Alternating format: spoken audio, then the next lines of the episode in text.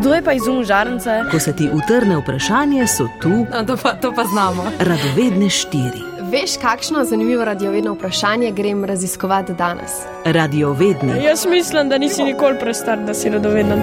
na valu 202. Mi dve smo Mila, in Brina, devetošolki iz osnovne šole Poljane. v prostem času rada vozim kolo. Jaz pa rada svoj prosti čas preživim v bazenu. Tukaj pa tudi Neža in jaz svoje popoldneve najraje preživim kar kot novinarka. Danes skupaj z Milo in Brino raziskujemo zeleno, Puhasto. In smrdljivo plesen. Jaz gledam Aspergillus in um, zgleda kot mah, na vrhu pa so kot beli puhasti oblački. Jaz opazujem penicilium, ki je zelene barve in ima na sredini zvezdice. Ja, um, taka modra, mod, modrikasto zelena, rumena, črna. Že prejšnji teden smo bile v laboratoriju Biotehnične fakultete v Ljubljani. In danes smo spet tu. Doktorica Barbara Jeršek nam je dovolila, da si različne pesmi pogledamo skozi lupo. Kje ti je bila najbolj všeč? Tista z oblački. Meni pa je bila najbolj všeč tista zelena, res so se fajn videle kapljice. Ja, res je bilo lepo opazovati, pravi mali raziskovalki. Vem, da imate pripravljenih veliko vprašanj, katero je na vrsti danes. Zanima naju, zakaj lahko plesen na siru uživamo, na kruhu in drugih živilih pa ne.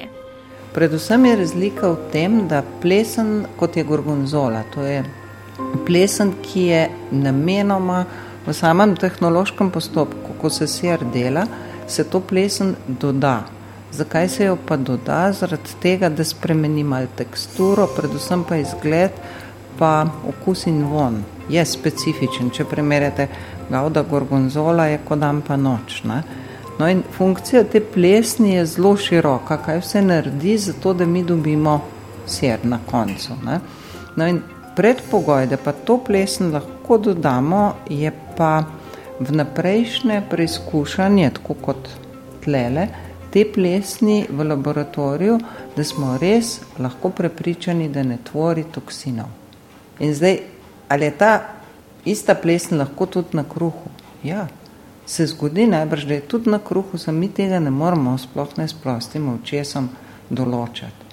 Tako da uh, v serih, velike teh serov, kjer se plesen namenoma dodaja, se dodaja samo take, ki so res naprej preizkušene, da so varne.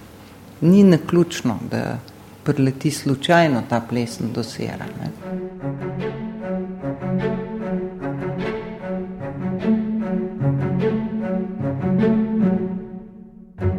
Pri plesnih, pa tudi pri drugih mikroorganizmih, to je treba poudariti, jaz vedno govorim, večina je koristnih, mi jih rabimo.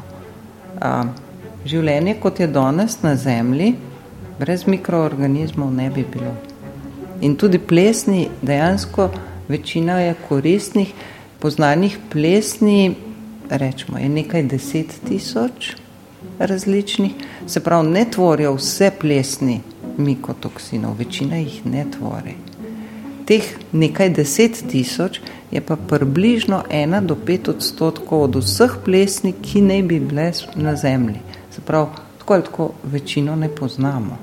Ne bom pa jaz vprašala na koristni strani. A mogoče veste, katera plesen je pa že dolgo poznana, pa jo uporabljamo v bistvu za zdravljenje. Vem, da so zdravila. Ja, zdravila. Ja. Plesen tvori antibiotik. To je tudi eden od produktov, se pravi, ki je v desetletjih uporabe bil toliko proučen, toliko dokazan, da dejansko je lahko poleg mikotoksina tudi produkt, ki je za nas uporaben. Hvala še enkrat, nasvidenje. Nasvidenje. Zdaj smo pa mi dve najno raziskovanje končali in se naučili veliko novega. Naslednji teden pa bo na nova vprašanja odgovarjal naj prijatelj iz osnovne šole Poljane. Poslušajte nas na valu 202. Adijo! Adijo! Radio vedni. Zdaj se nam pa že mudi. Čaka nas novo radiovedno vprašanje.